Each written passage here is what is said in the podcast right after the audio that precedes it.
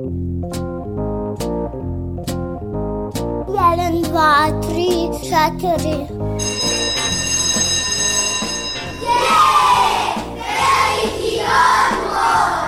Emisija o obrazovanju i vaspitanju. E, Kad neka vaspitačica kaže da je veliki odmor, onda nešto radite. Jedeš, treniraš, skačeš, julješ se, eto, i tako. Vi slušate veliki odmor.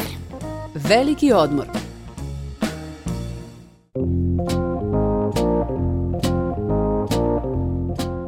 Tinejdžerske godine kao veoma važne za razvoj ličnosti, za roditelje savremenog doba predstavljaju pravi izazov. U tom periodu deca prestaju da budu deca, a opet su nedovoljno sazrela da budu odrasle osobe. Ponekad se roditeljima može učiniti da se njihovo dete ponaša kao odrasla osoba i eto problema. Roditelji su zbunjeni i uplašeni, a kod tinejdžera je sve normalno i prirodno. Stručnjaci bi se složili sa prirodnim i normalnim u smislu procesa sazrevanja jedne ličnosti, dok su roditelji tinejdžera suočeni sa mnoštvom problema i briga. Ja sam Biljana Kuriš, a Veliki odmor otkriva šta najviše brine roditelje tinejdžera i kako prebroditi tinejdžerske godine. Istraživanjem razvoja ličnosti uočeno je više faza perioda sazrevanja, odnosno adolescenskog doba. U ovom periodu primećuju se dva različita, a veoma povezana procesa. To je pubertet u kojem dete trpi fizičke promene i adolescencija u kojem dete emocionalno i sociološki sazreva. Pubertet postepeno počinje sve ranije. Kod devojčica počinje već sa 10 godina, a kod dečaka oko 11. ili 12. godine. Promene koje se javljaju jesu te da dete zauzima negativan stav. Manje ga zanimaju dečije aktivnosti, veoma mu je dosadno. Odbija poslušnost, suprotstavlja se autoritetu i eksperimentiše sa postavljenim granicama. Prema stručnjacima, završna faza adolescencije je u 21. odnosno 23. godini. Za ovaj ne tako kratak period, mozak deteta prolazi kroz niz važnih preobražaja, dok su hormoni veoma uzburkani. Posledice ovakvog procesa za mladu osobu su veoma izazovne. Razgovori sa roditeljima postaju dosadni. Užasavaju se preterane priče, česte su promene raspoloženja, bitna im je pripadnost grupi, a pod uticajem vršnjaka vrlo lako mogu da se upuste u opasne poduhvate. Zatim, ne uočavaju posledice svog ponašanja, ne vide svrhu da na vreme urade svoje obaveze, odlažu ih do poslednjeg trenutka. Spava im se po ceo dan, ne umeju da iskontrolišu svoje emocionalne reakcije. I u ovakvim okolnostima roditelji tinejdžera vrlo brzo uočavaju da doskorašnji modeli vaspitanja više nisu prihvatljivi i neretko prave greške koje u komunikaciji izazivaju burne reakcije kod tinejdžera. Šta najviše muči današnje roditelje tinejdžera? Šta me muči? Muči me da da li će biti dovoljna dobra podrška da e, svaki naredni dan joj bude lepši od prethodnog.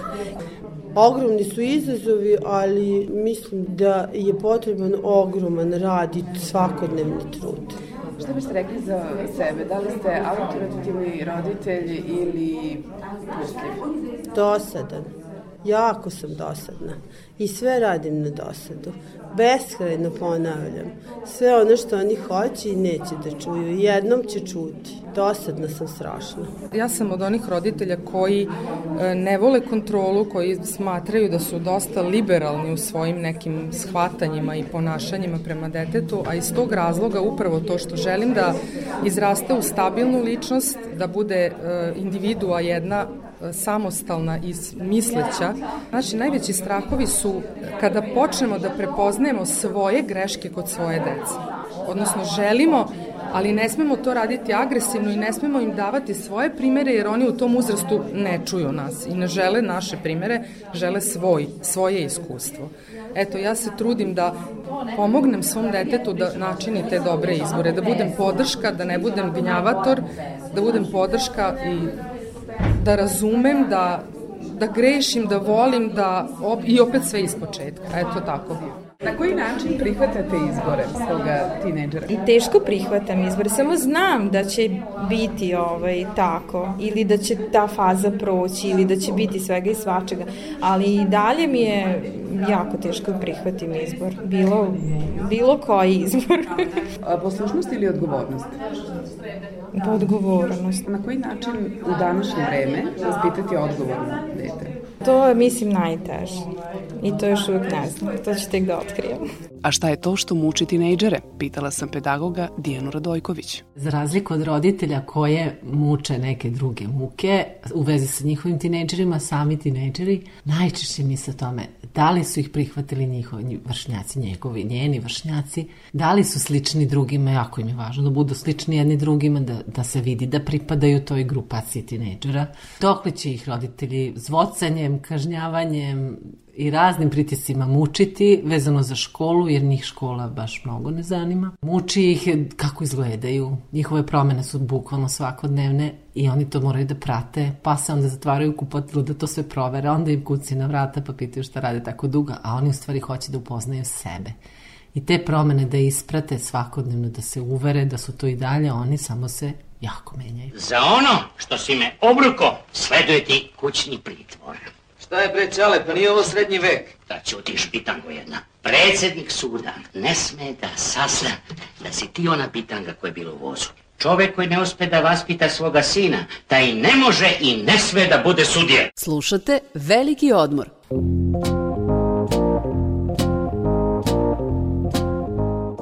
Odrastanje nije lako. Nije lako ni tinejdžeru, ni roditelju. Za roditelje tinejdžera prelazak iz dečijih bezbrižnih godina u odrasle može da bude veoma stresan.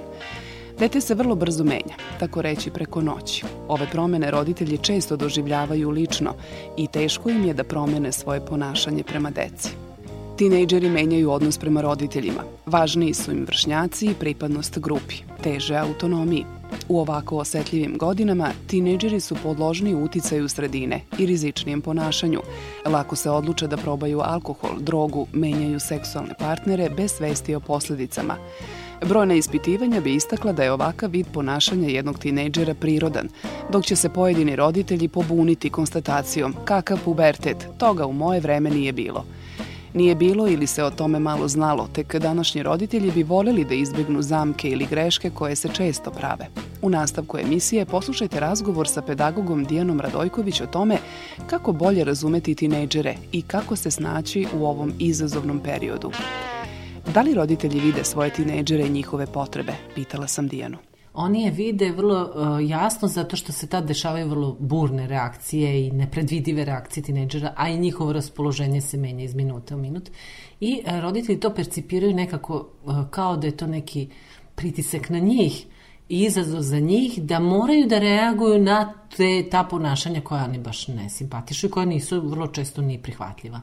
Međutim, ono što se desi kao problem je to što oni misle da tad treba da još više uspostave kontrolu nad ponašanjem svog tinejdžera i onda dobijaju još veću posledicu, a to je da e, se tinejdžeri još gore ponaša, da tako kažem jednostavnim rečima, jer oni jako teško trpe pritiske i to je upravo suprotno od onog što njima treba. Njima ta, tada treba mnogo više slobode, jer se u tom periodu odvija burno autonomija, integracija, sticanje svesti o sebi, sticanje svesti da su moćni, da oni mogu isto nešto, da oni nisu bespomoćna mala deca, oni sad rastu i zaista postaju sve moćniji i moćniji. I baš u tom periodu, to je negde period kad se završava osnovna škola i upisuje srednja, ja sam to doživjela kao roditelj, kao jednu, jedan, ne znam šta, strašnu revoluciju, zato što mi se činilo da je malo preotišao na tu malu maturu kao jedan mali dečkić, a 1. septembra sam videla jednog muškarca skoro I isto tako sa čerkom vrlo slično se odigralo. Prvo sam samo bila zbunjena i onda sam uočila da su sve češće na polju i ja sam se bojala za njih. U stvari strah je taj koje roditelje e,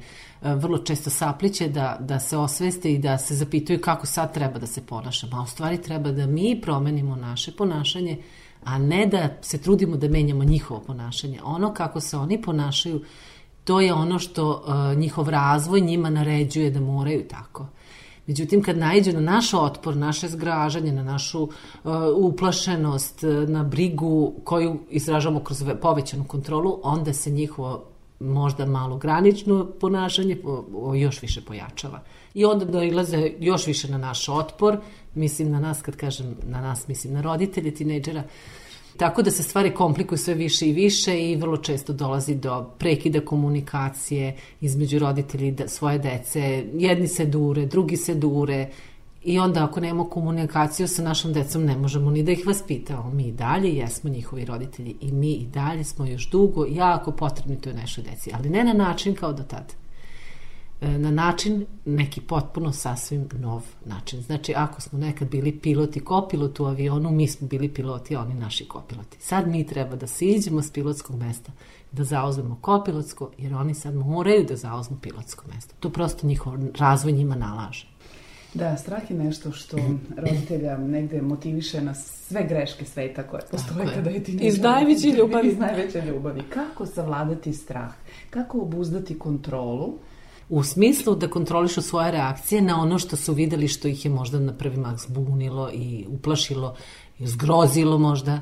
Osećali su čak neku vrstu uh, zgroženosti, odvratnosti prema nekim stvarima koje su videli kod svoje dece. Onda se vrlo često zapitaju što sam ja radio tolike godine? Pa gde je moj sav roditeljski trud? Propao je. Nema rezultata. Ovo je rezultat. Pa šta je to? I naravno da su razočarani. Onda se pojavljuje i osjećaj razočarenja. Tako da je to jedan splet e, teških emocija koje snađu roditelji. Njima je potrebna pomoć, u stvari treba im podrška, roditelja koji su to već prošli, prijatelje, poznanika koji su to mogu malo sa distance da gledaju, da ih uteše, ili na stručnjaka naravno vrlo rado, ovaj, da im se pomogne, jer e, teško da će to sami od sebe uspeti da sve te izazove savladaju. I da li je ovo priča o tineđerima ili roditeljima? Pa o roditeljima, shvatili ste. Tineđeri su i dalje naša deca. Prvo smo bili mi, a onda su se rodili oni. Tako da sve ide od roditelja i sve što se desi sa tineđerima i dalje je zasluga roditelja, bilo to se nama sviđalo ili ne. E, prihvatanje, A, jako da, interesantna da. priča. Koliko su roditelji spremni na prihvatanje izbora svog tineđera? Jako malo. Vrlo često se dešava da su njihovi izbori nešto što nama je čudno u najmanju ruku. Najmanje smo to očekivali. Nekako se svi roditelji nađu u čudu kada čuju šta im deca biraju, recimo koju srednju školu ili da li će srednju, da li će gimnaziju, posle fakultet isto tako. E, izbor vršnjaka s kojim će se družiti, to vrlo često bude veliki problem. Znamo da e, naši prijatelji nas prilično određuju i objašnjavaju o nama nešto, kako smo birali prijatelje. Onda kad vidimo neko dete koje nam baš nije po meri, onda mislimo šta je sad to, I onda i dalje mislimo da možemo i to da kontrolišemo. Ne možemo da kontrolišemo njihov izbor. Njihov izbor će biti sve gori i gori ukoliko se mi budemo mešali. Kad prihvatimo njihove prijatelje, onda smo pokazali da smo prihvatili njih. A kad oni osete da smo ih prihvatili sa osmehom, sa lakoćom, onda će sve više početi ponovo da liče na nas na ono što smo očekivali. I treba da se nađemo našim tineđerima pri ruci, kako se to kaže, da budemo dohvatljivi, da budemo dostupni, jer mi ne možemo znati kad mi njima trebamo. Što znači, to nije lako, ali to znači da budemo prisutni, kada se oni konačno pojave kod kuće, kada su raspoloženi, kada imaju neko pitanje, onda treba da sve ostavimo i da to iskoristimo kao dragocenu šansu za povezivanje. E to je ono što njima potrebno. Da li danas autoritativan roditelj ima šanse?